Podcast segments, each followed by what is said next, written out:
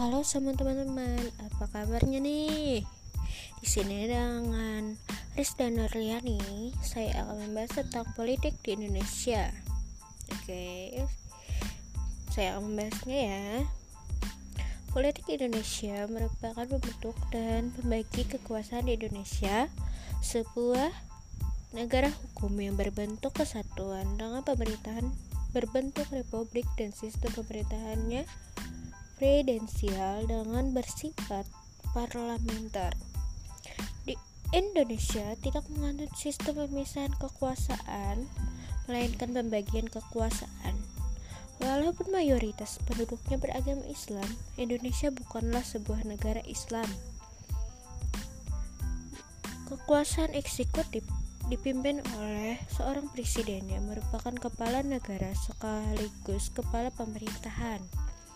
Dalam menjalankan tugasnya, presiden dibantu oleh seorang wakil presiden. Kekuasaan legislatif terletak pada Majelis Permusyawaratan Rakyat atau MPR yang dibagi menjadi dua kamar, yaitu Dewan Perwakilan Rakyat atau DPR dan Dewan Perwakilan Daerah atau DPD.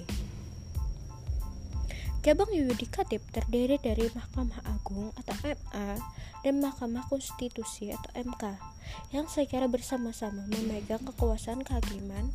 Kekuasaan inspektif dipegang oleh Badan Pemeriksa Keuangan yang memiliki perwakilan di setiap provinsi dan kabupaten atau kota di seluruh wilayah Republik Indonesia. Wow. Oke, kita lanjut ya. Hmm, pemilihan umum diselenggara setiap lima tahun. Pemilihan yang dilakukan untuk memilih anggota DPR, anggota DPD, dan anggota DPRD disebut disebut pemilihan umum legislatif atau pileg. Pilek. Maaf ya.